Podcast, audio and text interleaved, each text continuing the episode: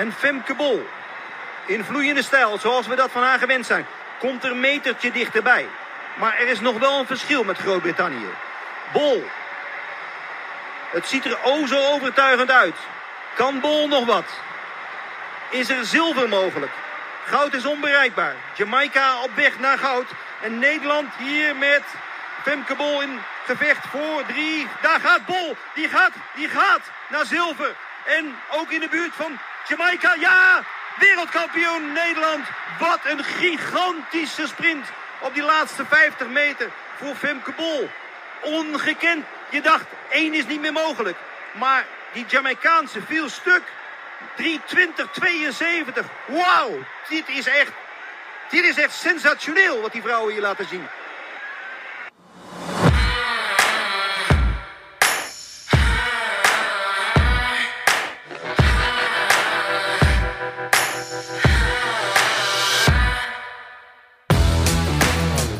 Welkom bij de vijftiende aflevering van Naar de Vaantjes, een podcast over hoe jij jezelf kunt uitdagen alles uit het hardlopen te halen. We hebben het onder andere over training, motivatie en wedstrijden. En soms dwalen we een beetje af naar koffie. Hoe haal jij het maximale uit je hardlopen en ga je charmant naar de vaantjes? We spreken hierover met de meest inspirerende gasten. Dus haak weer aan voor een mooie, snelle en gezellige aflevering. Want wij gaan samen helemaal naar de vaantjes. Mijn naam is Iman Muller en aan de andere kant van de lijn zit ze viervoudig WK-deelnemster Susan Cremens. Heb ik goed, toch? Heb je het goed? Ik moet zelf tellen, dat weet ik niet eens. ik heb het Ja, net opgezocht. echt- ik ben zo slecht in statistieken. Ik weet wel dat er eentje is die je bijna zou vergeten. Huh? Dus Eén ik weet niet of die heeft 1500. meegeteld. Ik heb Ja, dat bedoel 2000... ik. Die zou je bijna vergeten. Is Maar ik ja, heb eh, dat is echt wel- 2009, 2013, 2015, 2017, dus geen 2011. Maar toen was het nog om de vier jaar. Of heb je 2011 gemist? Nee, 2011 heb ik gemist. Toen was ik echt, Ai. eh, toen was ik bijna, ja, toen ging ik bijna met, met pensioen. Dat was echt het jaar dat, dat het allemaal helemaal misging. En dat ik het jaar daarna dacht toen ik de Spelen niet haalde van jongens, ik kap ermee. Goed, ik ben doorgegaan. Maar eh, even kijken, wat hebben we nu? 9, 13, 15, 17? 17. Ben je eentje vergeten volgens mij, die, die je Oh. wel zou moeten onthouden? Welke mensen Nee. nog? WK, hè? 19. Oh, sorry. Ja, dus Zover ging je Wikipedia-pagina niet. Of, of In Doha. In Oh, Doha. natuurlijk. Och, ja, natuurlijk. Ja, ik wou zeggen, die kun je niet Oh. vergeten. Nee, die kun je niet vergeten. Dus, dus blijkbaar vijf keer. Nou, daar zijn we er ook weer over uit. Mijn naam Ja. is Iman Muller en aan de andere kant van de lijn zit ze vijfvoudig WK-deelnemster Susan Cremens. Uit het wel leven. Ja, en, maar wel drie verschillende afstanden. Dat is wel leuk, hè? Dus dat Ja, is een beetje, een beetje variatie erin. Ja, sommige atleten doen dat gewoon in één keer, hè? In één WK. Anderen die doen daar gewoon, eh, nou ja, eh, acht jaar over. Nee, tien Ja. jaar over. Hey, want eh, we gaan het vandaag natuurlijk hebben over de voor Nederland meest succesvolle wereldkampioenschappen atletiek ooit.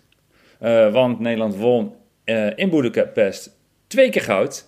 Eentje van Femke Bol op de 400 meter horde en één keer op de 4 keer 400 meter voor vrouwen. Eén keer zilver voor Sifan Hassan op de 5 kilometer. En twee keer brons voor Anouk Vetter op de zevenkamp. En Sifan op de 1500 meter. Vijf medailles. een dat is vijf. Wat was je voor de meest succesvolle WK? Londen, vier.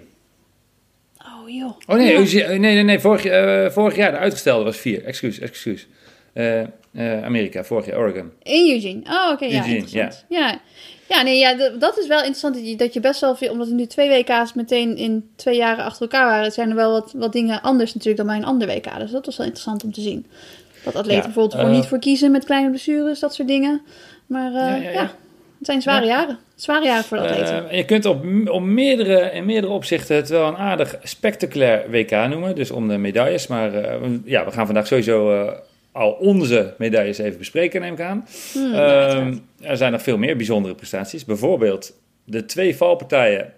Oh. In het laatste stukje binnen een half uur op weg naar goud. Gaan we ook Ja. bespreken. Ehm, ja, dat was wel eh, bizar. Hey, maar eerst even. eh, is Ja. een WK heel anders dan een EK? Ja, natuurlijk is een WK heel anders dan een EK. Serieus? Is dit nou een serieuze vraag? Nou ja, je, je ziet altijd in die mooie overzichtssegmenten de medailles op toernooien. En dan wordt het gewoon bij Ja. elkaar gegooid. Maar een WK is dus wel fors anders dan een EK, blijkbaar. Want, Ja, op een WK ligt het niveau wel veel hoger. Maar kijk, als je nou zou vragen, is het WK heel anders dan de Olympische Spelen? Kijk, eh, er zijn een aantal, eh, je hebt van die een beetje van die casual fans die eh, één keer in de vier jaar atletiek kijken of zo. En die denken allemaal, Olympische Spelen, als je het daar hebt gedaan, heb je het gemaakt. Terwijl een WK-medaille natuurlijk net zo knap is. Dus dat is niet, ik vind dat dat qua, qua niveau verschilt dat vaak niet. Je kunt natuurlijk nu zeggen, omdat er dus twee keer een WK achter elkaar is en dan de Olympische Spelen, kan ik me voorstellen dat er een paar toppers zijn die zeggen, nou ik pak dat eerste WK en ik pak de Olympische Spelen en voor dat andere WK ben ik niet in topvorm. Dus nou ja, in, in sommige onderdelen hebben de toppers misschien niet meegedaan, maar normaal is een WK gewoon, ja, dat is gewoon op superhoog niveau. En ja, een EK is gewoon, ja, zijn minder landen. Zijn, eh, voor, voor lange afstanden doen de, doen de Afrikaanse landen niet mee. Dus dat is, dat is natuurlijk wel anders. Dus eh, ja, super hoog niveau. ja. Ehm, en ik moet Ja. eerlijk zeggen, toen al duidelijk was dat het nou ja, een evenaring van het meest succesvolle toernooi ooit was. ehm, dat was natuurlijk geweldig. Dus het was voor de laatste gouden medaille op de 4x400 vrouwen, waar we het ook nog over gaan hebben. Ehm, dat was natuurlijk succesvol. En ik ben misschien een beetje verwend. maar Ik had toch een beetje een kater. En dat kwam ook door die twee, door die twee valpartijen. Of misschien door mijn hele hoge verwachtingen. Maar gelukkig, op het allerlaatste onderdeel. ehm, ja, dat was bizar. Heb je, dat heb jij gezien. Zou- de- de- de- hoe, had je het verwacht? Ja, ik had sowieso verwacht dat ze medaille zouden halen. Maar ja, ik denk dat niemand had verwacht dat ze, dat, dat ze zo'n eindsprint eruit zou gooien. En ik dacht wel, toen ze wegging, dacht ik... Femke heb ik het over. Toen ze in de laatste 400 toen ze wegliep, dacht ik... Ze gaat, ze gaat niet zo hard van start als ze in de mixed relay deed. Want ze wil natuurlijk niet nu weer hetzelfde doen. En dan, nou ja, met zoveel lactaat bijna de benen niet meer kunnen bewegen op het laatste stukje. Dus ik wist wel dat ze het voorzichtig ging aanpakken.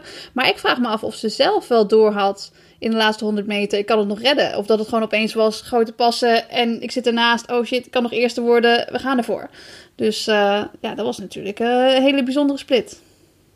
Ja, het was eh, die, ja, je zit gewoon de hele tijd te kijken van, nou, medaille zou mooi zijn. En dan ga je met Femke, ehm, of zoals mijn zoontje het elke keer noemt, we hebben nog een joker. Eh, dus de rest was al ja. bezig. Maar de vierde loopster was onze joker. O- eh, overigens liep volgens mij Lieke al, eh, Klaver als tweede loopster eh, een vergelijkbare tijd. Ik heb de exacte splits niet gezien. Ehm, maar toen die joker dus als derde al wegging, ja, dan ga je toch wel echt denken aan, nou, brons, misschien zilver. Ehm, Ja. maar het werd goud.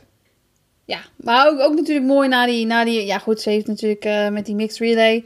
En toen ze daar viel, dat, ja, heeft ze natuurlijk zelf het gevoel al gehad van... ik heb het team heel erg teleurgesteld. En dat ze het dan op deze manier kon goedmaken. Maar ja, dan zat er natuurlijk ook wel een beetje druk achter voor haar.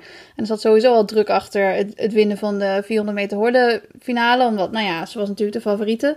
Dus ik denk dat ze heel goed met de druk om is gegaan de hele week. En dan op het laatst om het dan ja, toch op dat moment ook echt te, do- te doen. Terwijl ja, je weet, het hele team is, is ervan afhankelijk of je, of je nou die laatste 400 goed gaat lopen of niet. Ik denk dat dat wel, eh, ja, dat is, dat is behoorlijk wat druk. En dat heeft ze gewoon heel goed gedaan. Ja, ja, perfect. En inderdaad, wat jij zegt, Ja. die 400 meter horde, daar, ja, die moesten eigenlijk winnen. Ik weet nog dat eh Gregory Sedok Ja, in de vorige aflevering zei, ja, nou, ja, dat is een, zeker, een zekerheidje. Een zekerheidje, ja. Maar Nee, en met, met de passen en, en alles is er ook... Ja, dat is de eerste keer dat ze als favoriet zo'n race ingaat. Ja, dat is, ze moet het inderdaad wel nog even doen. Dus, eh, nou ja, dat heeft ze goed gedaan. Ja, en ik denk dat eh, vorig jaar de EK, eh, waar ze natuurlijk drie keer goud haalden, wel echt een hele goede leerschool is geweest Mm. om, ja, daar moest ze ook winnen. En nu dus nog op een, een, een treetje hoger. En dat heeft ze, ja, met, met bravoure, of met, nou, prachtig gedaan. Ik vind het echt eh, meer dan een seconde voor, volgens mij, in de finale. Ja, maar die eh, tijdens de val, mag ik het al over de val hebben? Of eh, past het niet? eh, ja, doe het maar, doe het maar. Ja, we ontkomen er niet aan. Ja, ja, we moeten het er wel even over hebben. Maar weet je wat ik eigenlijk wel mooi vind ook? Dat, eh, als ik er zo aan denk. Het is, het is altijd mooi. In, zeg maar, in sportfilms heb je dat toch ook. Dat, dat er eerst iets, iets heel erg misgaat. En helemaal dat je helemaal in de put zit. En, en het team gaat nooit meer winnen. En, en dat dan na het einde van, van, van de film. Dan gebeurt er iets prachtigs. Dus de volgorde van hoe alles gebeurd is. Is natuurlijk wel goed. Stel dat het nou andersom was geweest. Dat ze dan ja, dat dit het laatste onderdeel was gebeurd bij de 4x4. Dat, dan was het een soort van dramatisch einde geweest. En nu is het eigenlijk ja, de comeback van Fall from Grace, weet je. Dus ik vind dat op zich wel mooi. Maar ja, die, eh, die, die, ja dat zij dan dat Femke viel en, en dat Sifan ook viel. En dat het echt, eh, nou ja, hoeveel minuten uit elkaar lag? 20 minuten of zo? Ja, Eh, ik geloof het gewoon niet. Ik denk, dit is een grap. Dit kan niet, dit kan niet. Nee. Ja, en je weet nooit of ze goud pakt. Ik bedoel, juist omdat ze zo diep gingen. Het was gewoon spannend voor goud en zilver Ja. allebei. Maar dit, was, dit verzin je niet. Ik kan me niet Nee. herinneren dat er iemand überhaupt op de laatste 20 meter eh, gevallen is. Ik bedoel, je kent wel valpartijen uit, Nee. uit WK's en Olympische... Maar zo in het zicht van de finish, ja, ik geloof het gewoon niet. Twee keer achter elkaar, ik snap er niks van. Nee, ik zag dat eh, Michael Johnson, die, die tweette dat ook. Die zei van, ik, ik heb nog nooit zoiets eh, crazy gezien in, in de sport. in alle jaren dat ik in de sport meedraai, heb ik gewoon nog nooit zoiets gezien... dat de twee valpartijen van hetzelfde land zo vlak na elkaar gebeuren. Ja, het was, eh, ik, ik kreeg van mijn, veel van mijn internationale vrienden kreeg ik hele flauwe memes doorgestuurd ook. Maar dan, weet je wel, zo'n zo'n bordje als, als, als de wc wordt schoongemaakt... dat er staat slippery when wet. Maar toen stond er dus slippery when Ned. En nee, ja, ja. Dus dat was een beetje... Ja, ik zag allemaal Ja. tweets de volgende dag. En toen was het programma al een tijdje gestart. En toen eh tweette iemand, en dat werd echt heel vaak geretweet. eh, is, er, is er al een Nederlander gevallen vandaag? ja, dat is, is eigenlijk helemaal Ja. niet grappig. En, eh, maar het is natuurlijk wel een beetje grappig. Nee, maar bijvoorbeeld, eh, ja, kijk, Femke die had natuurlijk dit team. En dat is natuurlijk dat is voor haar denk ik heel vervelend. Omdat ze dan het gevoel had dat ze het team had teleurgesteld. Maar ik vond, Sifan die ging er heel, eh, nou, best wel casual mee om. En ik vind eigenlijk dat haar instelling sowieso door de jaren heen heel erg veranderd is. Hè? Want Ja, ja. jaren geleden, Andere- als ze dan niet, niet ja. deed wat ze wilde doen. Ja, dan, dan zeg maar, als ze dan brons won in plaats van, van goud. Dan, dan, ja, dan wilde ze eigenlijk de pers bijna niet te woord staan. En nu is het gewoon van, ja, nou, ze heeft alles al gedaan. Dus, eh, nou ja, en ze komt van de marathon. Dus eigenlijk is alles toch een soort van bonus. En natuurlijk wil ze wel strijden. En je ziet ook wel dat ze gewoon geniet van het racen. Want anders ga je niet zo vaak in een week eh, allemaal races lopen. Maar ik vond het wel, wel grappig om te zien. Nou ja, dat ze zoiets had van, ja, nou ja, het ging gewoon niet goed. En eh, ja, dat, is jammer dan. En ja, nu naar de volgende race. En ik denk dat dat ook wel de instelling is die er gered heeft. In dat ze dus daardoor weer zo sterk kon terugkomen. En die andere races kon lopen. Omdat ze er gewoon makkelijk de knop om kon zetten. Ja, de- eh, ik heb natuurlijk weer een prachtig script gemaakt, maar ik ga gelijk een bruggetje maken. Want dat vond ik, wat jij zegt over wat Sivan, eh hoe zij ook in interviews is. Ik bedoel, eh, ik vind sowieso Ja. goed dat ze het in het Nederlands doet. Ook al, ja, zij spreekt die taal nu denk ik heel weinig. Vind ik mooi dat ze dat nu doet. En er komt veel meer enthousiasme en het plezier druipt er nu veel meer van af.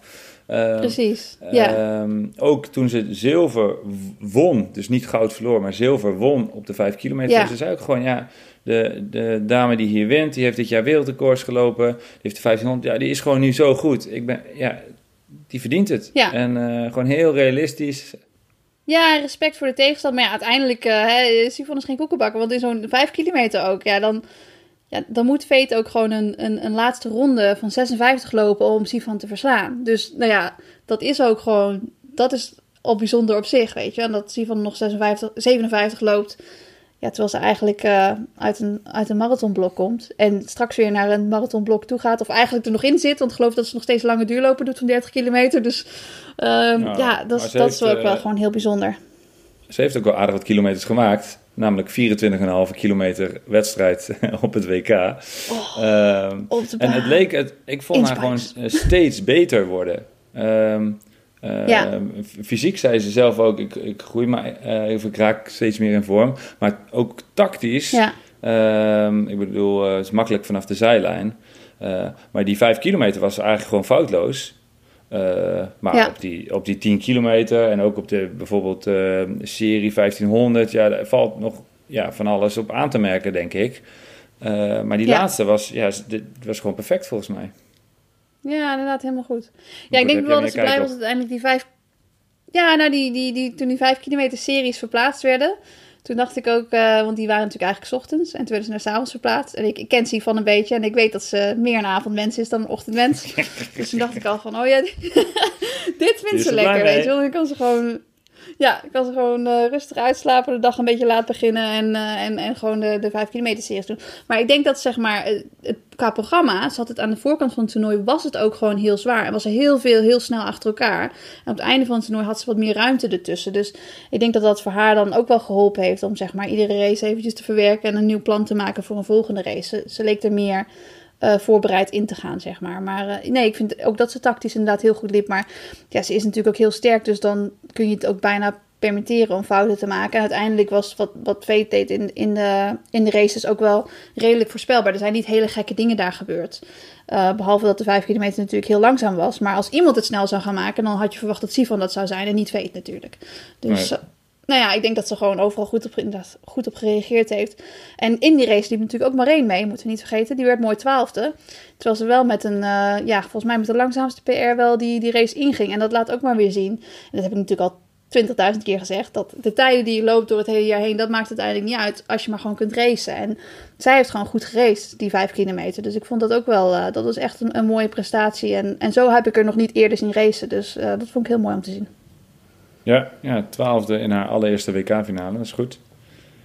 Ja, precies. Mooi. En het was heet, hè? Het was heet de hele week. En dat is ook nog wel weer iets waar Stefan natuurlijk mee heeft moeten doen. En iedereen natuurlijk. Maar vooral met de lange afstanden, ja dat haalt zoveel uit je. Iedere keer, iedere race. Want die 5 kilometer series, ja, die van Marijn niet. Maar die van Sifan, die werd ook nog gewoon hartstikke hard gelopen. Hè? Dus uh, ja, iedere keer weer dat herstellen. En natuurlijk met je, met je warming-up doen. En proberen te hydrateren tussendoor. En het is, ja, het was gewoon heel warm. Ja. En dat, dat maakt het vanzelf al een zwaar toernooi. Ik zag zelfs, uh, volgens mij bij de 5 en de 10 sowieso had je die waterposten, of, of ja, hoe noem je dat? Ja. Verversingsposten. En in sommige races zag je uh, deelnemers wel sponsen pakken. Uh, maar op de ja. laatste dag was de 5 kilometer finale mannen. En dan ja, zag je Ingebrigtsen gewoon naar buiten gaan, een bekertje pakken en een bekertje water drinken. Ja, dat heb ik volgens mij nog nooit op een toernooi gezien. Op een Zijn hier foto's van? Want ik vraag me dus af, uit dat bekertje, hoeveel komt er dan in je mond? Ik bedoel, ja. probeer eventjes op die snelheid, zeg maar op je, dat kan iedereen thuis even uitproberen toch? Op je eigen 5 km per snelheid. En dan even een bekertje aanpakken en kijken hoeveel daarvan echt, echt in je mond gaat. Ik, ik weet niet, als je dat niet getraind hebt, nou, ja. lijkt me lastig. Maar goed. Maar goed, de behoefte om te drinken was dus heel erg, ja. Ja, maar soms is het ook gewoon voor je hersenen. En ik weet wel, altijd als ik warme races liep, dan, ja, dan deed je natuurlijk alles van, zeg maar, tijdens je warming-up had je natuurlijk je koelvest. En soms dan nam je ook een, een koud drankje of iets om, zeg maar, van, van binnenuit je kerntemperatuur, zeg maar, laag te houden voordat je de wedstrijd ingaat. Um, maar als ik dan, zeg maar, de baan opliep, dan was het altijd nog, ik zorgde er altijd voor dat ik iets van koud water had. Gewoon ijskoud water. Dat je dan op je pols en je nek. En dat is dan gewoon inderdaad gewoon voor het gevoel. Zodat je in ieder geval uh, nou ja, jezelf laat denken dat je het niet warm hebt. Dus nou, dat kan natuurlijk ook zijn als je drinkt op zo'n moment tijdens een race dat je gewoon denkt van, nou dan ben ik in ieder geval niet uitgedroogd. Terwijl het eigenlijk natuurlijk ook niet kan tijdens een 5 kilometer is het gewoon niet lang genoeg voor. Nee. Weet je wat mij ook nee. opviel? En dit is wel echt iets heel anders. We gaan het straks nog over echte prestaties hebben. Maar dit is wel echt... Oh nee, gaat weer van een hak op de tak. Ik dacht dat jij een script echt had. Echt een Suzanne onderwerp is dit. Ik heb het idee dat dit WK ook nog nooit ja? zoveel aandacht aan, uh, besteed is aan, met name door de dames, aan nagelslakken, ja. haren verven, aparte staarten. Uh, alles doen om, ja, misschien ook wel op te vallen. Ja. ben je het ermee eens? Uh, ja, ik denk dat het, dat het bij de sprints altijd al wel, uh, ja, dat je daar gewoon wat meer characters hebt, zeg maar, die, uh, ja, die gewoon iedere dag met een, met een andere haarkleur of zo, of, of andere nagels lopen. Ik denk dat je het sowieso bij de lange afstanden wel wat minder ziet, want dan is het toch een beetje van, ja, ik zweet het er toch weer allemaal af, weet je, dus, ja, het is dus daar zie ik iets minder, al, maar... is altijd wel, maar nu ja. was het wel, ik vond het meer dan ooit. Ja, ik denk het ook wel. En, en uh, ja, dan moet ik het toch, toch meteen over Shakari Richardson hebben. Die uh, natuurlijk Eén van de voorbeelden, ja. Eén van de voorbeelden. Maar wat wel, wat ik opvallend vond, is dat ze inderdaad in de series en de halve finale had ze enorme klauwen. Ze had echt, uh, nou... er is een kinderboek en heet Edward Scissorhands. En dat is een man die heeft, die heeft zeg maar scharen als handen. Ik vind haar een Edward Scissorhands. Ze had echt zulke lange nagels. Leken wel van die scharen. Was mooi. Maar ja, die had ze dus in de, series en in de halve finale. En halve finale, die liep ze eigenlijk niet zo goed. Want ze haalde maar net de finale. En ik dacht echt, wat is ze aan het doen? Weet ze wel dat ze moet doorlopen om het te halen. En ze haalde het maar net en had daardoor dus ook de buitenbaan in de finale. Maar in de finale won ze zonder nagels. Dus die nagels die waren er opeens af. Dus iedereen zei al van, hey, zouden ze dan toch afgeremd hebben of zo? Dus ik, ik weet niet wat de reden erachter was, maar dat is wel grappig om te zien. Ja, weet je, het is natuurlijk wel, het geeft weer een extra dimensie eraan. En sowieso, ik denk dat die, zeg maar, die verschillende nou ja, characters en hoe iedereen zich aankleedt en, en wat ze zeggen en wat ze doen, dat dat de sport ook wel interessanter maakt. En dat is ook wel leuk. Dat zie je natuurlijk een beetje meer bij de sprinters ook, dat ze dan uh, ja, een beetje elkaar lopen te trash talken voor, voor de race. En dat ja, een beetje, lijkt een beetje meer boksen, weet je wel. Dat ze, het, het, is natuurlijk al zo jammer dat in de sport dat, dat, dat er zo vaak uh, ja, dat de echte toppers elkaar ontwijken. Weet je, dat er zoveel Diamond League zijn en dat de echte toppers dan toch niet tegen elkaar lopen. En dat zag je bijvoorbeeld bij de 100 meter mannen ook. Bij die Noah Lyles en die Fred Curly. Die, die lopen elkaar het hele jaar te ontlopen. Dus iedereen kijkt zo uit naar dat WK waar ze dan eindelijk tegen elkaar gaan lopen. En dan zegt, zegt Noah Lyles ook van ja, ik ga 9,65 lopen. En zegt Fred Curly, ja, als jij 9,65 gaat lopen, dan ga ik harder lopen. En dan zegt hij ja, they all say that until they get beat. Weet je, oeh, dat is echt, dat ze dan van tevoren dat allemaal zeggen. Dan, dan, dan hypt het dat helemaal omhoog. Alleen uiteindelijk Ja, haalde Fred Curly gewoon de finale niet, weet je wel. En, en toen liep hij weer weg. En toen wilde hij de mix zo niet door. En toen liep hij ergens anders heen. En toen werd hij door een official werd hij weer teruggestuurd. En dat was echt een enorme afgang natuurlijk. En dat, ja, weet je, niet dat je wil dat iemand dat voelt of zo. Maar dat maakt het gewoon wel interessanter. Dus ik denk dat dat alles uiteindelijk nog steeds de sport helpt. Ja, je moet ook een beetje, vind ik ook mooi, een beetje bravoure. En ja, nou, daar gaat er eentje wel eens Ja. ten onder. En in het geval van Noah Lyles, eh, die pakte drie keer goud.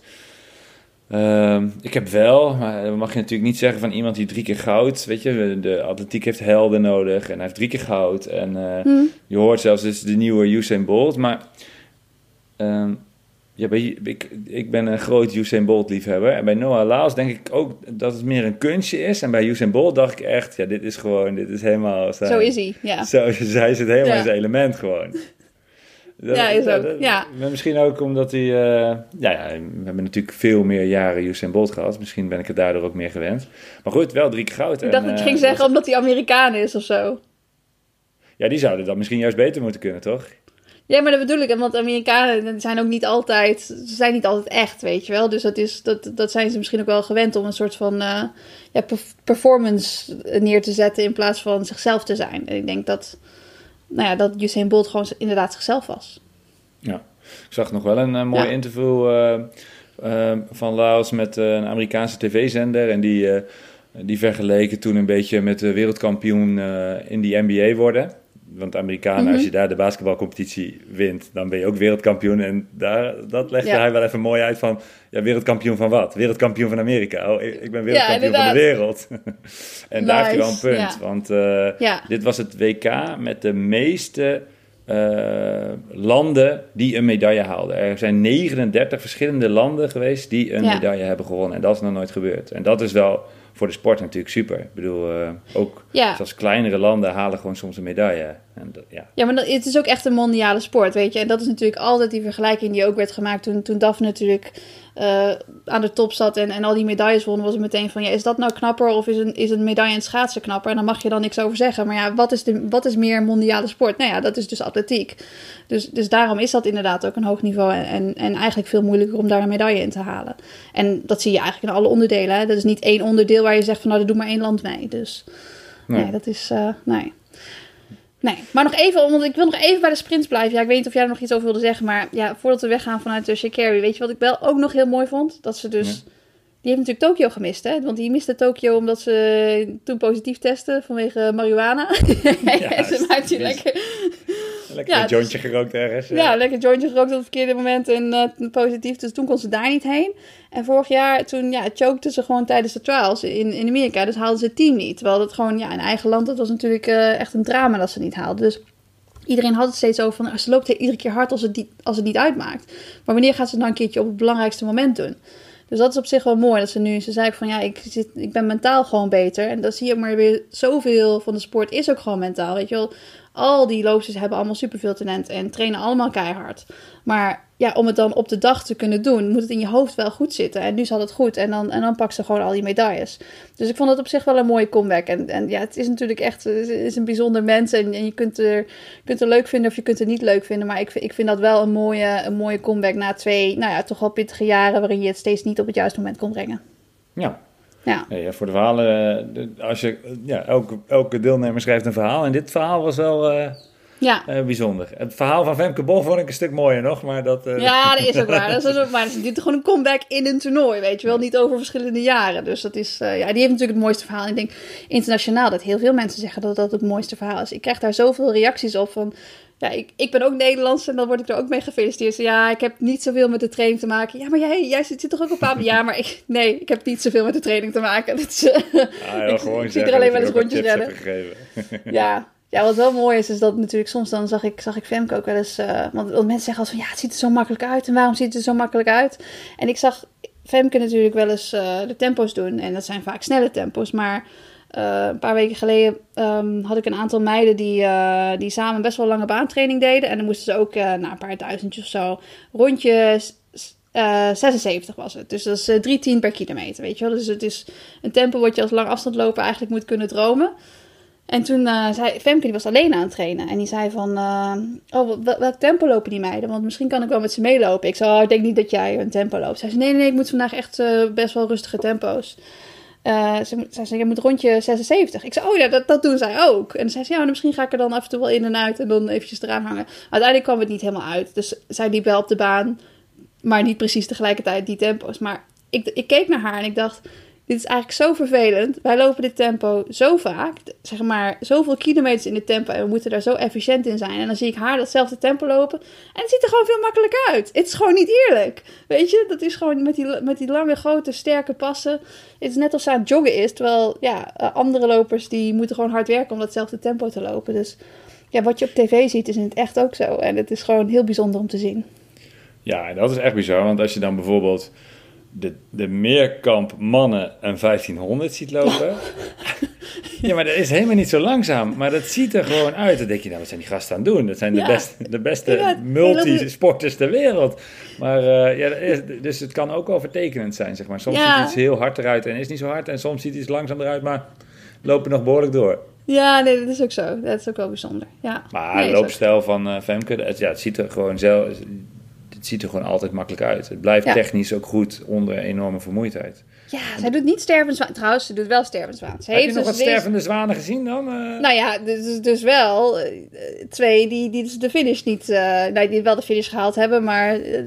ja, die twee, Toesie en Femke Wielen, dat, die waren wel gestorven even. Maar dat was... Ja, stervende zwaan moet eigenlijk uitgerekt worden over een paar ronden natuurlijk.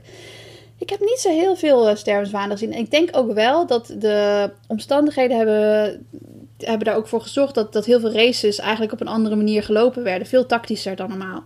En ik vind die tactische races, die zijn geweldig om te kijken. Zeg maar, de 10 kilometer was bij de vrouwen ook veel leuker om te kijken, omdat die gewoon tactischer was. Het maakt het gewoon echt veel interessanter. Dus ja, ik denk wel dat iedereen een soort van rekening mee heeft gehouden van... Uh, ja, je moet wel heel sterk zijn om daar aan de kop te sleuren in de hitte. En dan ook nog iedereen eraf te lopen. Dus ja, ik denk dat er daardoor wat meer naar elkaar gekeken werd. En um, bijvoorbeeld 1500 mannen, dat was ook nog weer. Ja, ik vond het toch wel. Ja, we moeten het natuurlijk sowieso over Niels hebben. Maar als we het nog eventjes bij de internationale toppers houden.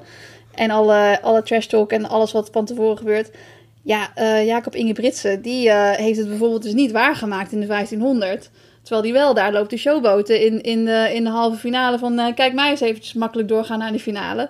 Dus ja, dat is, dat is dan weer een race. Ja, dan heeft, hij heeft dan eigenlijk gewoon in de finale een haas nodig. En dat heeft hij het hele jaar door. Heeft hij wel een haas in de Diamond League. En dan laat hij gewoon zien, nou, ik, ik ben onverstaanbaar. Niemand kan mij, niemand kan mij wat. Ik ben, ik ben de allerbeste. Maar als hij dan opeens geen haas heeft en als hij opeens zelf het tempo moet maken... Ja, dan wordt hij gewoon gepakt. Ja, wordt hij gewoon gepakt door Josh Keur. Dat is ook wel, dat is het mooie aan het toernooi. En daarom moeten ze natuurlijk ook nog gelopen worden. Anders kunnen we gewoon van de ranglijsten de eerste drie pakken en hun gewoon medailles geven. Maar dat maakt het wel heel, heel interessant. Ja, Ja. die 1500 meter. En je zei het al even, Niels Laros. Ik heb Ja. er echt met zoveel plezier naar gekeken. Ja, snap en ik. eh, en ehm, jij kan er misschien zo nog wat meer over vertellen. Maar Niels moest dus eerst een serie lopen. En ehm, eh, die haalt hij. Sterker nog, hij wint zijn serie. Hij gaat naar de halve finale. En dan denkt de buitenwereld, jongen van 18, eerste WK. Hij, haalt, eh, hij komt de series door. Top, toernooi geslaagd.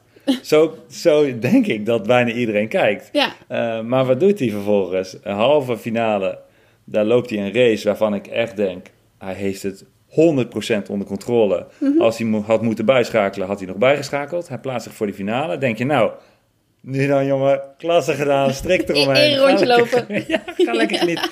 Maar hij liep die finale gewoon om te winnen. En uh, Ja. ja, ze- de- dat was echt wel, uh, echt wel indrukwekkend. En tot, Ja. tot 100 meter voor de finish liep hij gewoon op brons. En uh, Ja. ja. dat geeft echt wel vertrouwen, denk ik, voor nou, één jaartje verder, jaartje ouder, toernooi in de zak.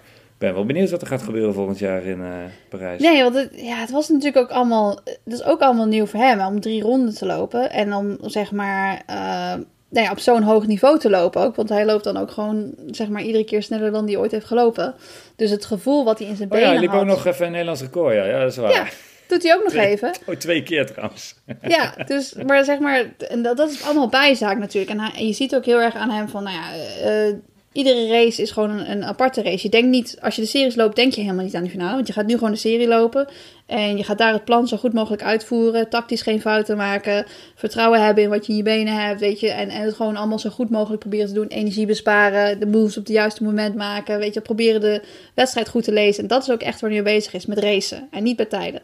En dat heeft hij altijd al gedaan. Maar dat, ik vond het heel, ja, goed om te zien dat hij zeg maar alles ook weer goed uitvoerde. En ik weet dat hij zelf ook wel altijd dingen ziet ehm, die hij dan niet goed heeft gedaan. Weet je, hij is altijd ook heel kritisch. En ik denk dat hij kun- daardoor kun ook steeds dat- beter kun- wordt. Kun je dat zeggen? Ik weet niet of dat in de podcast eh, kan of mag, of misschien is het er ook niet. Maar wat, wat heeft hij niet goed gedaan dan? Wat, kun je daar iets over zeggen? Nou, op sommige momenten dan, dan, dan zijn er bijvoorbeeld...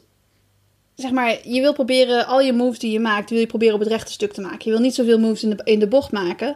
Want als je dat doet, dan loop je natuurlijk verder. Maar soms moet je wel een move in de bocht maken. Want als je dat niet doet, dan is er daarna geen ruimte meer omdat iemand Ja. anders iets gedaan heeft.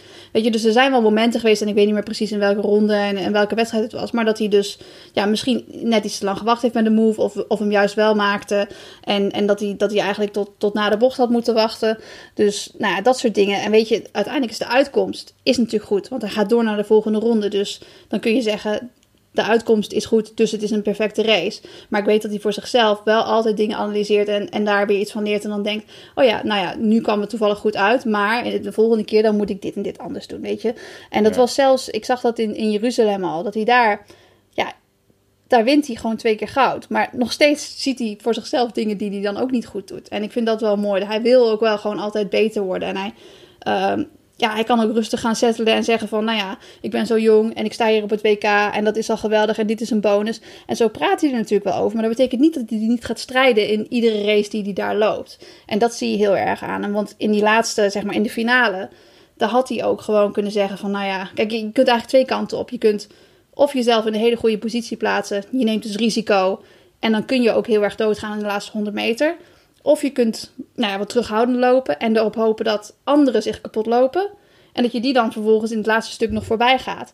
Maar je dacht van nee, ik gooi mezelf gewoon in de race en ik doe dit gewoon, weet je. En dat is wel, ja, dat is een hele mooie manier van racen. En het is ook, ja, je bent zo jong en je hebt niks te verliezen, dus waarom ook niet, weet je wel. Dus dat is wel, ja, dat is natuurlijk heel leuk om naar te kijken. Dat is veel interessanter dan iemand die probeert ja, op het laatste moment nog snel even wat plaatsen mee te pakken. Ja. Ja, ja. Ja, nee, en eh, een bruggetje naar Lieke Klaver, denk ik. Want die eh, ehm, liep series, halve finale, 400 meter. Nou, zoals verwacht. Finale plek gehaald op de 400 meter, wat ze zelf ook had verwacht. Maar zij, ja, zij kwam om een medaille te halen. Was natuurlijk vorig jaar vierde. Ehm, en die doet eigenlijk een soort alles of niets in de finale. Die, die, ja, Mhm. die keiharde opening en die... Ehm, ja, de teleurstelling droop er vanaf. Maar die kan wel eh, in de spiegel kijken met, eh, nou ja, gegokt en verloren. En dat, Ja. nou ja, en als je dan op de laatste dag toch nog goud haalt, dan is dat denk ik een stuk makkelijker veel goed verteren. Maar anders Heel- moet je ja, gewoon weer ook. lang wachten. Ja. ja. nee, maar ik hoorde ook wel reacties van mensen die zeiden van... Waarom weet ze niet precies hoe hard ze weg kan gaan? En, en dit heb je toch duizend keer geoefend? En dan denk ik van, ja, mensen die begrijpen dus niet dat je dus in een bepaalde vorm ga je zo'n toernooi in. En dat is niet de vorm waarin je het hele jaar door verkeert. Weet je, je, je training dat bouwt op om zeg maar uiteindelijk in die topvorm te komen. Dus je kunt het niet precies met hetzelfde lichaam, onder dezelfde omstandigheden, met dezelfde tegenstanders, kun je dit niet op een ander moment testen. Dus je moet altijd nog op gevoel iets doen. En om even weer terug te gaan naar Niels. Hij, hij had het natuurlijk ook, omdat hij zeg maar, wat ik net zei, zo, hard had gelopen ook in de halve finale. Als hij dan die warming-up doet voor die finale. Zeg maar, ik weet dat hij voor de warming-up voor de halve finale zelfs zei... oh, mijn benen zijn zo zwaar, ik heb dat nog nooit gevoeld in een warming-up, weet je wel. Dat is, dat is gewoon een nieuw gevoel wat je niet op een ander moment kan trainen. Want wanneer loop je drie wedstrijden op zo'n hoog niveau? En dat is hetzelfde met Lieke. Wanneer loop je nou weer drie wedstrijden achter elkaar op zo'n hoog niveau? Dat is alleen maar bij een WK. Ja, dus het is, ja. ja. dat ze dan het risico durft te nemen. En, en durft te kijken van, nou ja, als ik dit risico neem, dan komt er misschien iets heel goeds. Maar misschien ook helemaal, ja, sta ik misschien ook met lege handen. Ja, ik vind dat wel, eh, ik vind dat knap dat ze dat gewoon zo doet. Terwijl ze dan ook, ja, safer misschien zou kunnen lopen. En dat je dan niet weet of je het maximale eruit hebt gehaald. Ja. Nee, het is toch ook een soort van stervende zwaan, maar wel op een hele mooie manier. Het Ja, zag er niet wat- lelijk uit. In, het geval van Niels, dus hij, de- hij zegt dan, eh, ik, heb, ik heb zware benen. Daar is gewoon eh, niet, Ja. aan denken, niet aan denken, jongen. Negeren, gewoon sjouwen. Ja, echt zo van, eh, ja, het gaat zo... eh, ik, ik, ik zei tegen Niels, van, wat, zei Thomas dan? En hij zei van, ja, dan, die zei ook van, ja, dat gaat zo wel weg. Dat heeft, en dat heeft iedereen, weet je, dat weet je dus ook niet. Iedereen voelt zich zo. Dat- zeg maar, als, als, als Sifon zich voor de, voor de zesde wedstrijd de warming-up aan het doen is, dan denkt ze ook niet, nou, wat voelen mijn benen vandaag lekker? Natuurlijk niet. ja, om even lekker versnellingen doen. Ik heb er zin in, weet je wel. Dat is, ja, je lichaam is gewoon wel... Ja, je, je bent wel dingen aan het doen die, die gewoon niet normaal zijn natuurlijk. Dus ik weet ook, ik liep altijd tussen mijn 10 kilometer en mijn 5 kilometers liep ik altijd rond als een pinguïn, zei ik ook, omdat mijn kuiten dan het niet meer deden. Dus ja, het was gewoon echt, eh, je weet gewoon dat, dat je in een toernooi, dat je nou ja, best wel wat spierschade aanricht en, eh, en, en dat je daar gewoon mee moet dealen, want anderen doen dat ook. Dus als het maar niet in je hoofd gaat zitten van ik heb de zware benen eh, en daardoor kan ik niet lopen, want dan heb je natuurlijk het grootste probleem. Ja. Ja. En dat is weer een mooi bruggetje naar Abdi. ja, Abdi wil ik het ook over hebben. Want ehm, eh, daar had ik... ehm, ja, dat, ik vind de marathon natuurlijk mooi. Ehm, Ja. En, en ik ben een groot fan van Abdi. En ik, en ik, ja, ik, ik had echt eh, hem veel kans toegedicht eh, om mee te strijden om de medailles. En dan Mm. zie je maar weer ehm, hoe je als buitenstaander... ehm, gewoon, ik zat voor de tv, hoe, hoe je het mis kan hebben. Want ik, ik dacht echt, hij zit zo goed in de race. Hij zit in de kopgroep, hij zit op rij drie. Ehm, ik zie hem drinken, ik zie hem weet je, geen gekke dingen doen. Ja, weet je wel, eh koelen of een keer zijn shirt omhoog doen. Maar voor, voor mijn gevoel, het, weet je, hij zit er gewoon bij. Hij doet Ja. ook geen kopwerk. En dan, ja, op 27 kilometer, ineens is hij weg. En dan hoor je dus achteraf, ja, va- vanaf de start, ik had gewoon slechte Ja. benen. Ik weet niet wat Ja, het was, je- maar ik had- ja, dat, dat- het was niks. Nee, maar je ziet het natuurlijk ook niet aan hem, want hij gaat daar niet lopen van, oh ja, ik, eh, ik, ik, ik heb zware benen. Weet je, je, je- het is ook een soort van, je wil een soort van pokerface houden, want Ja. je wil ook niet dat je tegenstanders denken, die staat er niet goed voor, weet je. Dus, dus ik denk ook dat er ook wel een reden is dat je het niet aan hem ziet. En, en hij denkt zelf waarschijnlijk ook, als ik gewoon doorga met nou ja, de routine die ik gewend ben met drinken en alles, dan... Dan gaat dat gevoel misschien wel weg. Weet je, er zijn altijd bad patches. En misschien begon hij er toevallig met één. En, en gaat het op een gegeven moment weg. Maar ik kan me voorstellen, als het dan niet weggaat, dat je na, na zoveel kilometer zoiets hebt van ja, dit, dit gaat gewoon niet lukken. En als ik nu uitstap, dan heb ik nog een najaar, dan heb ik nog een kans om ergens een marathon te lopen. Dus ja, dan in dat geval, zeg maar, op de baan is natuurlijk alles altijd een zomertoernooi. En dat is het enige wat telt. Maar ja, op de marathon zijn er ook nog wel andere kansen. Dus ik snap uiteindelijk de beslissing, snap ik wel. Ja. ja, en ik hoop ook dat hij... eh, ja, dat hij... Hij heeft zelf altijd de theorie, of misschien inmiddels Oh, niet ik weet het goede, slechte, goede, slechte. Dat dit dan weer een mindere marathon is en dat hij ja, in het najaar het echt helemaal recht gaat zetten en eh, laat zien... eh, ja, dat dit gewoon een, een, Ja. een uitschieter naar beneden was. Maar dit kan, klopt hè, want dat is de marathon, ja. Dit, klopte toch in het, in het rijtje met goed en slecht. Klopte dit toch? Dat dit Ja, ik slechte heb dat zijn? toen een keer eh, uitgebreid met hem besproken. Alleen eh, mijn definitie van een slechte marathon is toch wel echt heel iets anders dan die van hem. Want hij vond bijvoorbeeld New York heel slecht. Vond ik zelf derde in New York Marathon vond ik in principe best wel aardig. Ja, Eh, is aardig, vind ik ook. Maar als hij, ik snap dat als hij zichzelf teleurstelt. Dus, dus de Ja. laatste. Welke was de laatste hiervoor? Ja, Rotterdam denk ik. Dat was, Was toch gewoon, dat was toch gewoon goed? Dat was goed. Ja, nou ja ik, ja, ik weet eigenlijk niet. Hij, was, hij, hij kwam daar natuurlijk om te winnen. En hij won Mm. niet. Eh, Ja, dus we weten het ook niet, hè, wat goed en slecht is. Nee. Ik denk wel dat deze slecht was. Dus de volgende wordt goed. Ja, dat is, de- deze was slecht. Dus dat is inderdaad duidelijk. Ik ben Ja. benieuwd. eh, De- eh, als hij inderdaad zonder schade uit die marathon is gekomen, dan eh, gaan we Ja. hem misschien nog zien dit jaar. Ja. Hey, ik heb nog wel even één juicy ding. Wat hebben we nog even? Want we hebben het net al even over de 1500 gehad en even over Jacob gehad. Maar wat ik toch wel nog een, een beetje juicy vond, wat ik toch nog even wilde zeggen, is: Weet jij, ken jij die andere Noor? Die dus, die dus eh, derde werd vlak achter Jacob. Weet je wie dit is? Noordas. Ja, nee, ja, nee, ja ik, ik weet niet waar je naartoe, dat je naartoe wil. Maar, Weet je niet waar ik naartoe ga? Nee, ga eerst vertellen. Ik denk het wel, maar ga door. Ik, ik ken hem niet. Ja, ik, weet, ja, ik heb hem natuurlijk vaak zien lopen, maar eh, ik weet niet wat het, wat het juicy verhaal niet gaat worden. Dit is toch een beetje juicy. Ja, ik vind het toch leuk, want ja, alleen de luisteraars die al heel lang luisteren, die weten dat ik ooit een keertje door eh, Gert Ingebritsen met de auto in St. Moritz van de ene loopband naar de andere loopband verplaatst werd. Omdat Jacob wilde toen een training doen ergens op een loopband in een gym. En er was maar één loopband en ik was daar eerder. En toen zei ik van ja, mij maakt niet zo uit, maar er is hier maar één. Ik ga niet op jou zitten wachten. En toen zei zijn vader, oh dan breng ik jou naar een andere gym en dan zorg ik ervoor dat je daar kunt lopen. Dus die Gert, die deed altijd alles voor zijn zoon. Hè? Toen hij hem coachte, toen, hij deed alles voor hem om ervoor te zorgen dat hij gewoon alles perfect kon hebben. En als hij mij dan ergens heen moest brengen en dan vervolgens weer moest ophalen. Maar Gert is een, is een leuke man. Die, die praat altijd gezellig. En nou ja, ik, ik vond het altijd leuk om hem ook in het, op het circuit te zien en zo. Dus hij is, hij is super aardig. Maar hij coacht zijn zoon natuurlijk niet meer. Dat weet je wel, toch? Ja, dat weet ik, ja. Die hebben uiteindelijk gebroken. En dat is een beetje... Die zijn niet op een hele goede manier uit elkaar gegaan. Nu wordt Jacob door zijn broer gecoacht. Maar ondertussen Gert is nog steeds coach. Dus die coacht andere jongens. Ja, die coacht dus ook die Noordas. Dus... En nu doet die Noordas doet het dus heel goed. Die verslaat Jacob ook bijna. Maar wat een beetje een juicy detail is, is dat uh, Gert natuurlijk uh, wel de coach is van, van Noorders, maar vervolgens geen accreditatie krijgt van het Noorse team. Omdat Jacob dat dan een beetje tegengehouden heeft. Omdat hij ja, niet, niet blij is met, met die Noorders en dat hij niet fijn vindt dat die Noorders hard loopt. Dus uh, hij voelt een beetje de hete, hete adem in zijn nek volgens mij. En dat was toch, ja, het, uiteindelijk was het een klein beetje jammer vond ik wel dat die Noorders hem net niet voorbij ging. Want hij liep trouwens een laatste 100 meter van 12, 12 85 of zo. Echt super snel. Dat is, uh, hè, dat, dat, is doorlopen. ja, ik was dan nog te denken toen jij zei van... Um, hij loopt natuurlijk vaak met een haas en dan maakt hij het altijd af. Hmm? Um, je kunt ook kiezen voor, uh, als je dan uh, een landgenoot in de finale hebt... dat je iets afspreekt. Ja, maar die zouden niks afspreken. Nee, dat weet ik heel dat zeker. Ik nu. Dat ja. weet ik heel zeker. Nee, die, uh, die mogen elkaar echt niet. Dus, uh, nee, mogen elkaar niet. Ik, ik denk dat vooral dat het één, één kant op gaat. Ik weet niet of Noordels hem ook niet mag. Maar het, maakt het wel, ja, natuurlijk. Uiteindelijk wil Gert ook, en dat hoorde ik na de hand ook via via, hoorde ik van ja, Gert wil uiteindelijk ook gewoon dat Jacob wint. En wil ook gewoon dat hij het goed doet. Maar hij weet wel dat, ja, uiteindelijk is, is papa toch de beste coach voor hem blijkbaar. Dus uh, nou ja, misschien moet hij maar de move uh, terugmaken. Je weet het niet. Misschien gaat hij dat wel doen. Ja, dat, ja. ja. Uh, dat is dan nu een goed moment. Toch nog een beetje. Dan heb je nog een jaar voor, voor de Spelen. Ja, Oh, en een jaar is best genoeg hoor. Dus het is. Uh...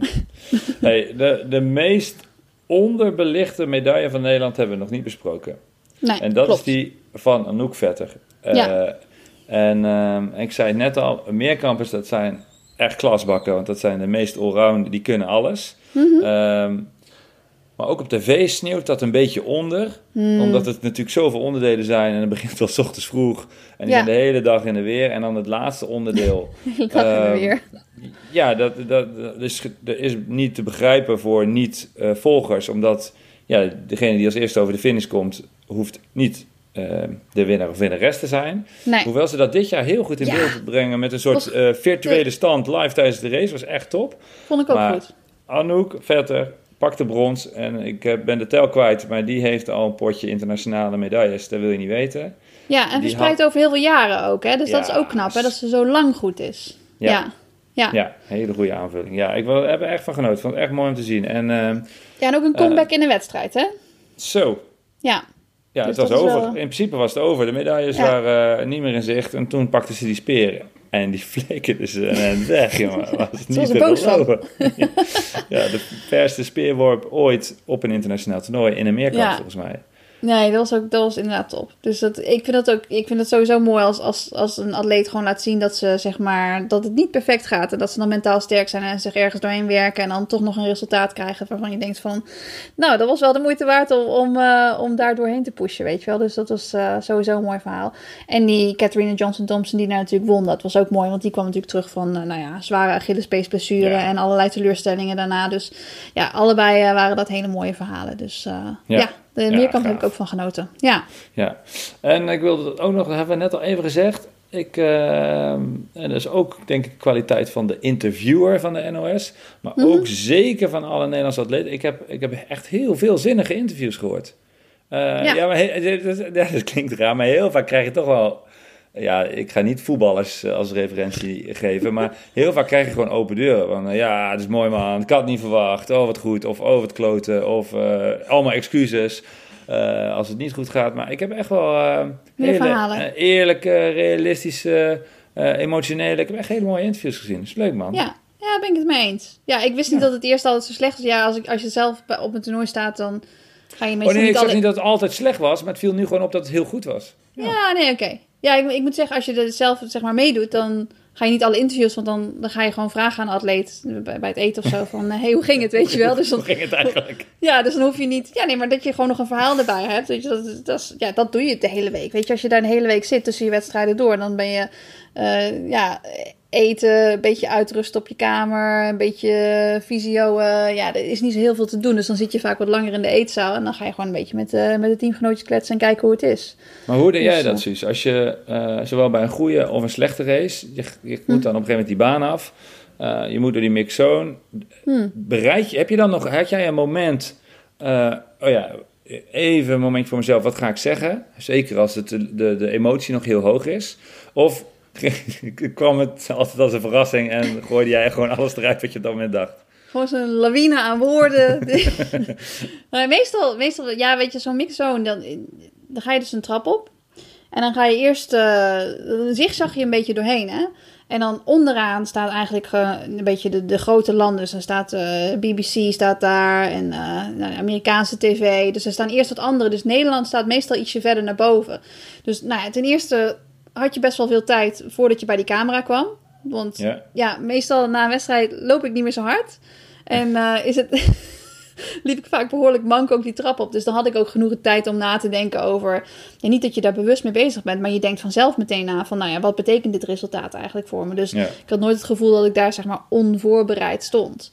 Um, maar ja, soms was het ook nog zo dat je, dat je eerst nog gestopt werd door een, andere, door een andere ploeg. En dat je dus eerst al ergens anders je verhaal kon vertellen. En terwijl je je verhaal vertelt, krijg je voor jezelf ook wat meer duidelijk van... Oh ja, dit vind, dit vind ik er eigenlijk van, weet je. Ja. Maar ja, heel vaak was het voor mij wel gewoon duidelijk. Kijk, als het een goede race was, was het ook echt een goede race.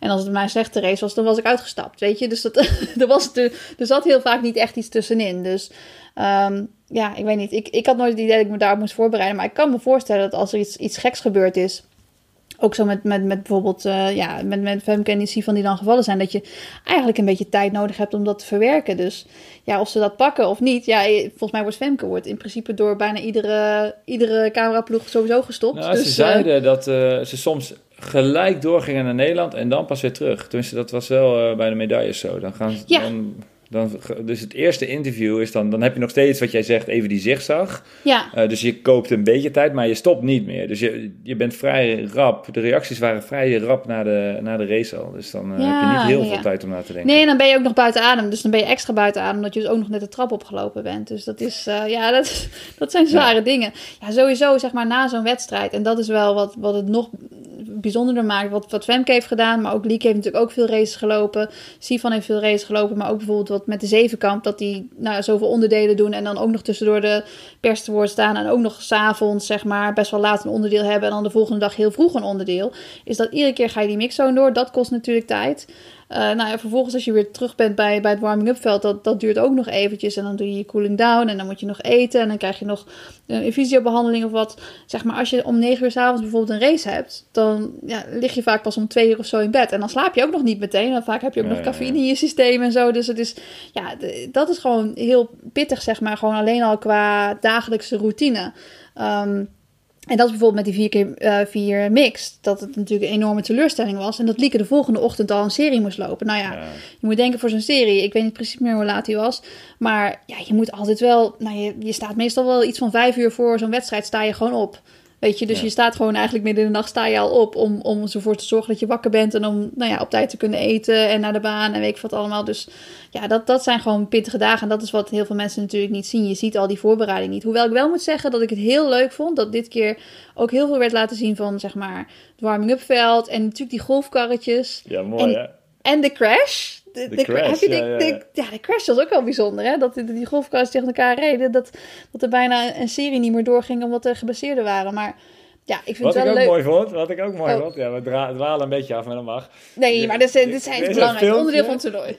Je had, je had een mascotte. Elk toernooi heeft een mascotte. Ja, Eh, ik weet niet wat voor... Ik weet niet, was, was dit een stier of zo? Was dit ja ik was, dit keer was ik niet heel onder de indruk. Ben jij onder de indruk van de mascotte? ik heb maar niet veel dit- gezien. Deze, deze mascotte had wel humor. Want Oh, ik weet het je, al. Je hebt zo'n... Ik weet niet eens hoe het heet, maar na de race heb je Ja. zo'n... Je hebt en een hot seat, dus als je tijdsnelste bent, maar je bent nog niet zeker, dan kun je op een, op een, een bank wachten met een camera op je. eh, Maar dit was toch in de hot seat, Nee, nee, volgens mij, nee dit, maar dit was wel een soort relaxruimte met banken. En wel Ja. direct naar die race. Dus, maar, ja. dus er zat een, da- ik weet niet eens meer van welk team, een, een, Engelse dame, dacht ik, die zat op die bank uit te rusten. En toen zag je al achter die bank de mascotte zo. Je zag zo die twee hoorns zo boven die, boven die bank uitkomen. En eh, je, ziet die dame zo achterom kijken. En nou, die, die schrok, jongen. Ik dacht echt, Oh. dit is geen leuke grap meer. Want die heeft, die heeft echt een haarslag van 200. Maar ze kon hem wel waarderen. Ze kon hem Oh wel waarderen. god, zij sprong op. En ik dacht echt, jezus, zal gewoon de, de enkel kunnen joh. verzwikken of zo.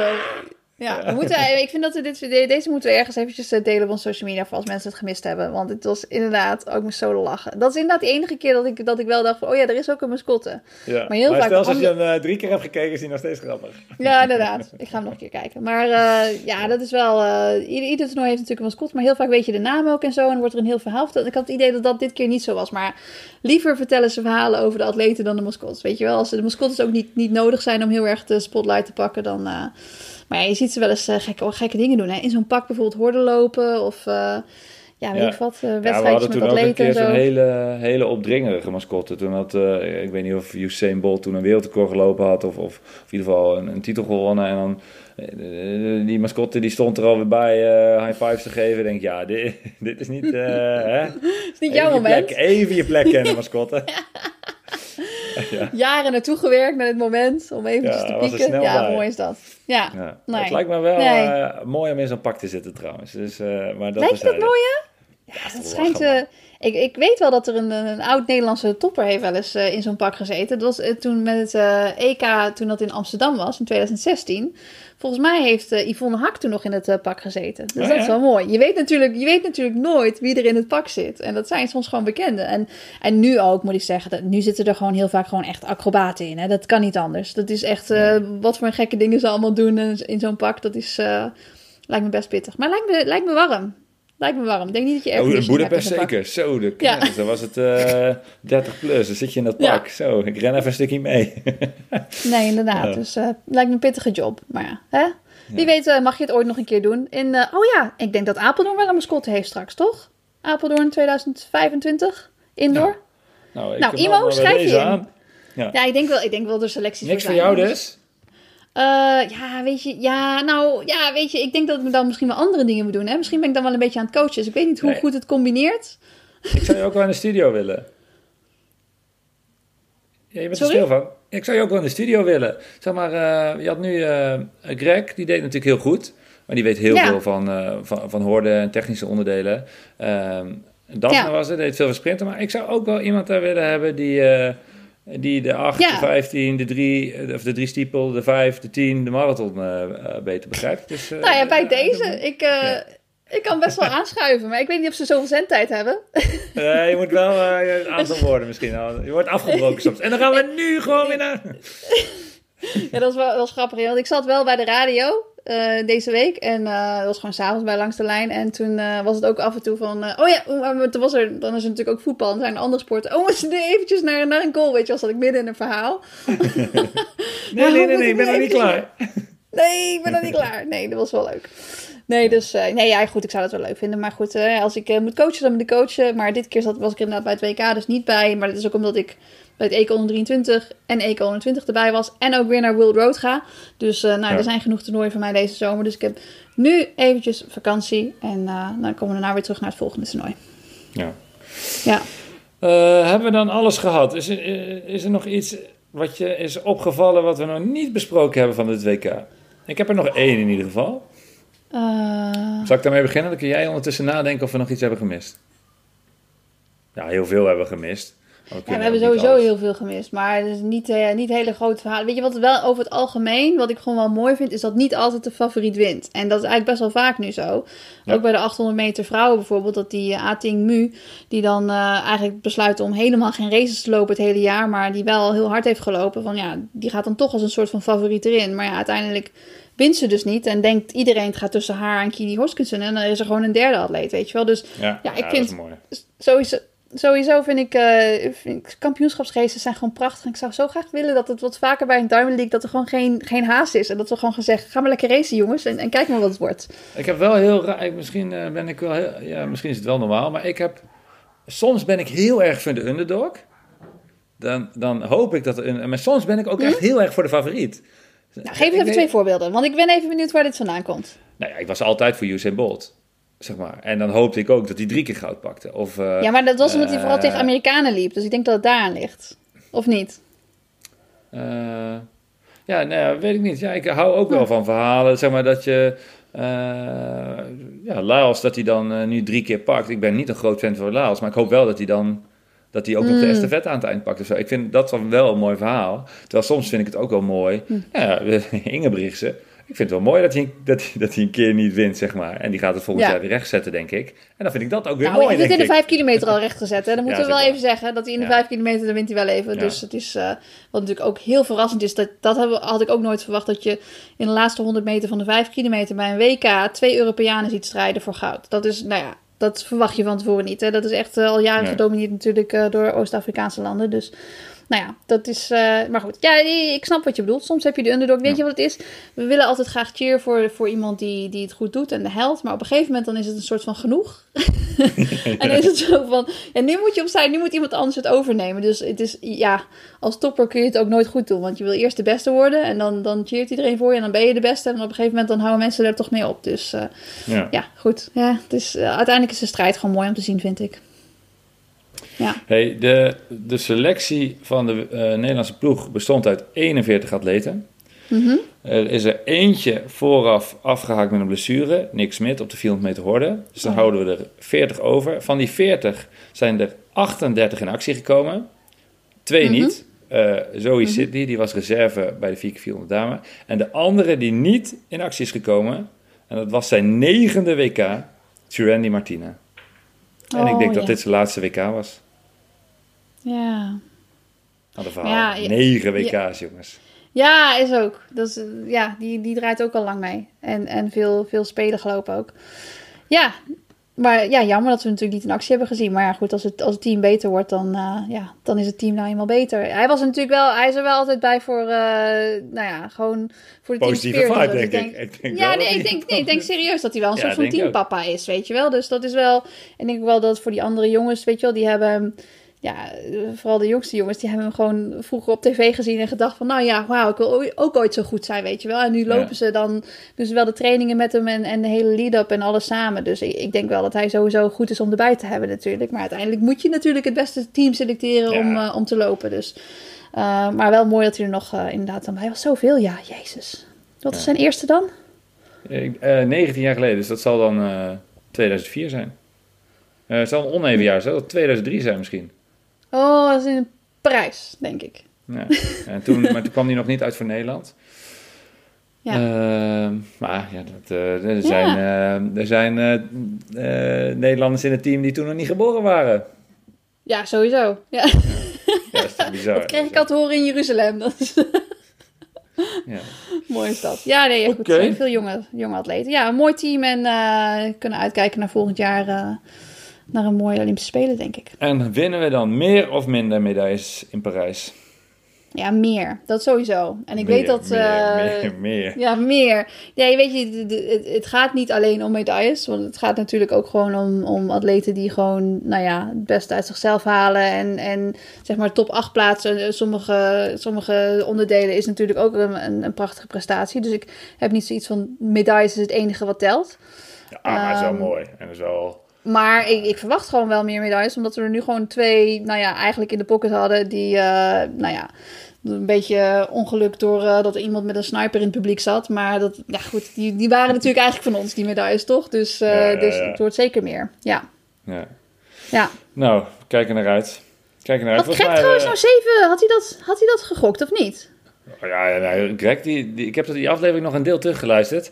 Hij is Oh, geen ja? touw vast te knopen. Hij- op een gegeven moment zei hij, dan had hij de twee medailles besproken. Nou, dan zitten we op vijf. Eh, en dan komen die, die, komen die twee erbij, zitten we op negen. En dan heb ik de zekere nog niet gehad. Ja, ik begreep het niet meer. Hij was heel positief. Maar het zijn Maar er ik dacht, hij, ik dacht dat hij uiteindelijk wel op zeven uitkwam met al die, al die calculations. Maar misschien Oh. ook niet. Maar goed, Oh, ik maar weet we hebben een prijsvraag gedaan op de Instagram. Met eh, iets van 300 reacties. Die moeten we nog even door. Oh ja, nou we, dan ga jij even doorspitten, toch? Ja, dus we gaan eerst kijken wie heeft het aantal medailles goed. Ja. En van diegenen die het aantal medailles goed hebben, Ja. dan de, de tijd van Femke het weet je best voorspeld hebben. Weet je wat wel goed is? Dat we niet hebben gezegd hoeveel medailles gaat Nederland winnen en welke, welke tijd lopen ze in de finale van de mixed relay. Dat was een probleem geweest, hè? Nou ja, dan had iemand misschien wel gezegd. Eh, DQ. Ja, want het stokje was wel als eerste over de lijn. Hè? Heb je dat nog gezien? Die schoot echt zo naar voren door die Ja, bal. weet ik. Maar ik dacht, dat is ook echt niet eerlijk. Want als het stokje nou niet over de lijn was gegaan, als het gewoon was gevallen, dan had ze het nog kunnen oppakken. Ja, niet dat het dan wel op tijd was. Ja, hadden we maar, nog brons. Hadden we nog brons. Maar- ze stapte maar je- heel snel op. ja, weet ik. Maar, maar je kunt dan ook niks omdat het stokje al door is gegaan. Ja, wacht even Ja. bij. Weet je, wacht nou. ja. ja, het is niks, Oh. een stokje. Ja, moeilijk nog een wonder trouwens dat ze- Femke klapte met haar gezicht echt heel hard op de Ja, baan. ik dacht echt steeds een whiplash of zo. Jezus. Ja, of gewoon geen tanden meer. Dat ging. Gewoon geen tanden meer. Nee, uiteindelijk viel, viel het nog reuze mee dat ze gewoon er inderdaad zonder klierscheur vanaf is gekomen. Maar Ja, ik had daar zelf eh, wel echt een show van gemaakt, denk ik. Maar zij heeft er helemaal niet... eh, ja, ik ook gehoord. sowieso doorgerold. En, eh, Ja, nou, Nog heroïscher maken. Maar nee, zij Ja. staat op, loopt door. Ja. ja, ik denk net of er niks gebeurd is. Nee, prachtig. die voetballers Ja. er wat van leren. Ja, dat sowieso. Ja. Nou, Ja. maar goed. Oh, Eh, nou, wat ga jij de komende tijd doen dan? Heb jij nog eh, wedstrijdjes op programma staan? Je hebt ook wedstrijdjes gelopen, of niet? Ik, eh, ja, jongen, ik, ben, ik heb eh Noord gestoord gelopen vorige week, vijf kilometer. Leuk. Ja, dat is echt een race zoals race bedoeld is. Ik was, eh, ik deed echt weer mijn best. Maar het mocht niet baten, maar het was wel echt heel vet. In Amsterdam-Noord op de NDSM-werf ging dwars door een museum heen. Vijf kilometer, vijf rondjes van een kilometer, vuur. Ja, was echt mooi. Ja, Ehm, spektakel. Ja, ik loop een wedstrijd op het circuit van Monza. Oh, dat is eh, snel. Ja, een rondje op het eh, circuit. Dus dat, eh, dat is ook deze week. En dan donderdag, of nee, zondag, Ja, de Big Ten die we zelf organiseren. Dus dat is, dat is aankomende zondag. En dat wordt ook ja, echt een heel mooi deelnemersveld. prachtig. Heel veel lopers die hopelijk... Ja. Weersomstandigheden zien er goed uit. Alles, alles is klaar, dus nou, wordt een Leuk. mooi weekie. Ik ben benieuwd. Ja. Eh, als jij je wedstrijdje in Monza loopt, dan is het trouwens ook een Diamond League in Zurich. Ja. En eh, Niels die staat daar ook weer aan de start op de 1500. En dat is wel leuk, want het is, eh, het is ook weer een, een sterk veld. Bijna iedereen van het WK, behalve Ingebritsen, die, eh, die neemt even rust. Denk ik. Ja, die was natuurlijk ook niet helemaal 100% zei hij. Dus, eh, maar goed, eh Noordas en eh Josh Keur en iedereen loopt daarin Oh, mee. En, en Niels staat dus ook in het veld. Dus dat is wel echt een, een mooie wedstrijd voor hem. Dus dat is nog wel iets om naar uit te kijken. En om te kijken natuurlijk voor iedereen. Ja. aanstaande donderdag. Zelf sta ik niet ergens aan de start. Ehm, ja, weet je. Ah, dat vind ik jammer. ja, dit is heel... Loop je nog? nog- Loop je nog? Nou, dat is even, dus een- want, even, dat is even de update. Hoeveel, hoeveel weken zitten we? We zitten op 27 Zwangerschap. weken. Ja, 27 weken. En eh, het laatste loopje was afgelopen week. En ehm, ja, na het loopje had ik dus een beetje last van mijn stuitje. En toen dacht ik, volgens mij is dit het lichaam probeert mij hier iets te vertellen. En volgens mij Ja. moet ik daar naar luisteren. Dus er zat al steeds wat meer tijd tussen de loopjes. En, Ja. en nu dacht ik wel van ja, weet je, als ik ook niet zo... Want ik kan ook niet meer zo hard lopen. Die buik die begint best wel groot te worden.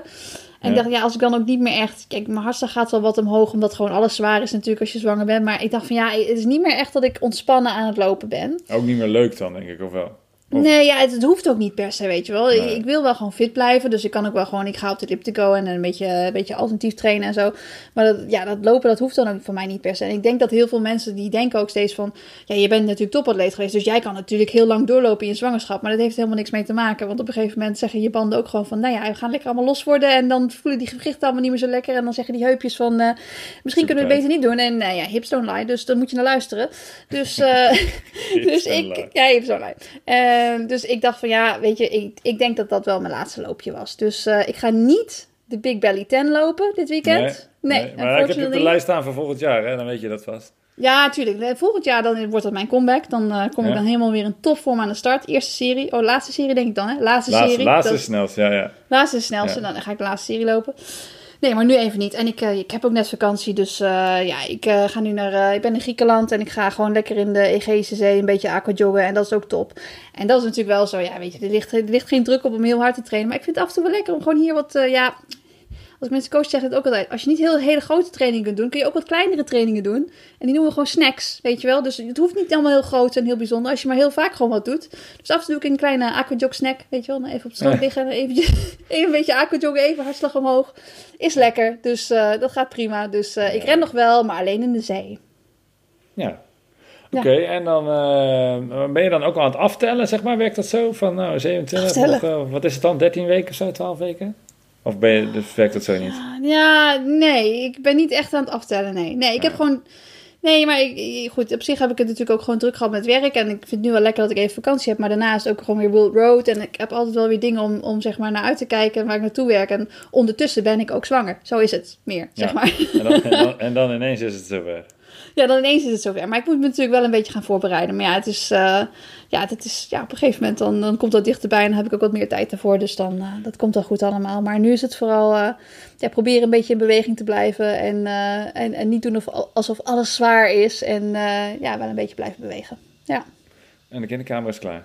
Nee, die is dus helemaal niet klaar. Dat is nog een kantoor. dat is nog een kantoor. Nee, zo ben ik dus niet. Ja, dat is, eh, ik ben niet, niet zo georganiseerd qua dat soort dingen. Maar eh, ja, kijk, als het maar goed gaat met de, met de toernooien en de trainingstages en de atleten. En dan, ja, die baby, dat komt wel. Ja, dat is bijzaak, ja. Eh, klopt, klopt. Ja, Eh, komt goed. Oké. ja. Ehm, ja, nou, ik denk dat we dan, dan helemaal... ja had jij niet nog een, iets, wat, iets wat je opgevallen was bij het WK dat we nog niet besproken hadden? Ik dacht dat jij net een puntje nog had. Ja, ik heb uh, het- Randy had ik als laatste. Oh, het was eh, Jurendi, dat was het. Ja. De, medailles ja. over zoveel landen, de goede interviews. Nou, ik heb gewoon, ja, was echt, ik heb echt genoten. Ik heb echt Ja, veel ik heb gezien. echt veel genoten. gezien, veel gekeken. Ik heb eh, Ja. tranen in mijn ogen gehad. Ik heb eh, geschreeuwd naar die tv. Ik heb eh, op de grond gelegen voor de tv. hey, en? Ja? En? Ja, eh, kom ik weer. Maar mijn, mijn, mijn zoontje die is nu helemaal weer atletiek fan. Dus die Oh, ja? heeft het over de joker. Die wil niet estafette. Die, is, eh, die heeft het principe van serie finale ook. Dus soms gaat Ja. hij nu ook een wedstrijd doen... dat hij gewoon alleen bij de eerste acht hoeft te komen en dan is het goed. Oh ja, Eh, met zijn eigen selectie voor de finale. Maar met trainen geven, ik geef natuurlijk de pupillen trainen. Er zijn weer heel veel kindjes die zich hebben aangemeld. Dus het Echt waar? ook echt, ja, ja, ja, zie je meteen. Dus, willen eh, ja, dat willen allemaal echt 400 superleuk. woorden doen, of niet? Estafette. Zijn allemaal estafette. Oh, dat is wel leuk. Ja, dat Ja. denk ik. Ik ga in ieder geval, ik ga estafette doen. Ja, maar alles in estafette vorm is goed, dus dat is... eh, Ja, nee, maar dat is echt wel leuk. En dat is ook eh, de kracht van, eh, van topsport. En ook Ja. eh, medailles en, eh, Ja. en zendtijd. Het pakt goed uit. Het is echt leuk. Nee, maar ik denk ook wel, eh, moeten we wel zeggen, zeg maar, de, de generatie die het nu zo goed doet, die hebben ook wel, daar hebben we het volgens mij de vorige keer over, over gehad. Die hebben natuurlijk wel wat te denk- danken aan, ook aan Daphne, die dan eerst al die medailles haalde. En nou ja, dat die er dan in geloven. Het is een soort van domino-effect. En ik denk dat dat vanaf jongs af aan inderdaad al heel gewoon begint. Dus over hoeveel jaar zal het zijn? Hoe oud is Kajo? Eh, eh, zeven. Zeven, dus over Ja. nou ja, een jaartje of eh, twaalf, dan is er weer een WK toch? Dan, eh, Ja. dan staat hij daar in eh 2000. eh, reken jij even uit, ik ben zwanger. Nee, maar wat hij dan weer niet begreep was, of, eh, was de hinkstafspringen. Dat ging hij ook oefenen, maar dat, dat, principe begreep hij niet helemaal. Van, nee, dat begreep je Wat niet. is dit voor onderdeel? Nee, maar hij vindt het is mooi dat Ja. nou, al die medailles, finale plaatsen en, en, Ja, en de zendtijd het eh, Ja. Helpen. Onze kleine helden die eh, gaan weer lekker Ja. beginnen met atletiek. Ja, hartstikke Nou, leuk. Alright. en zo zijn we aan het eind gekomen van de vijftiende aflevering van Naar de Vaantjes. Dank aan mijn gast, Suzanne. Dank voor het luisteren. Ook namens Suzanne. Blijf luisteren en lopen. Hoi hoi.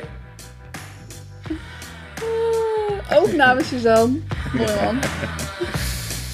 Nou, lachen. Ja. Hey, ik dacht we doen even drie kwartier, maar we doen er gewoon even 70 minuten. Oeh, jezus, hebben we weer zoveel geleerd. Ja, je moet eh, alleen in de intro...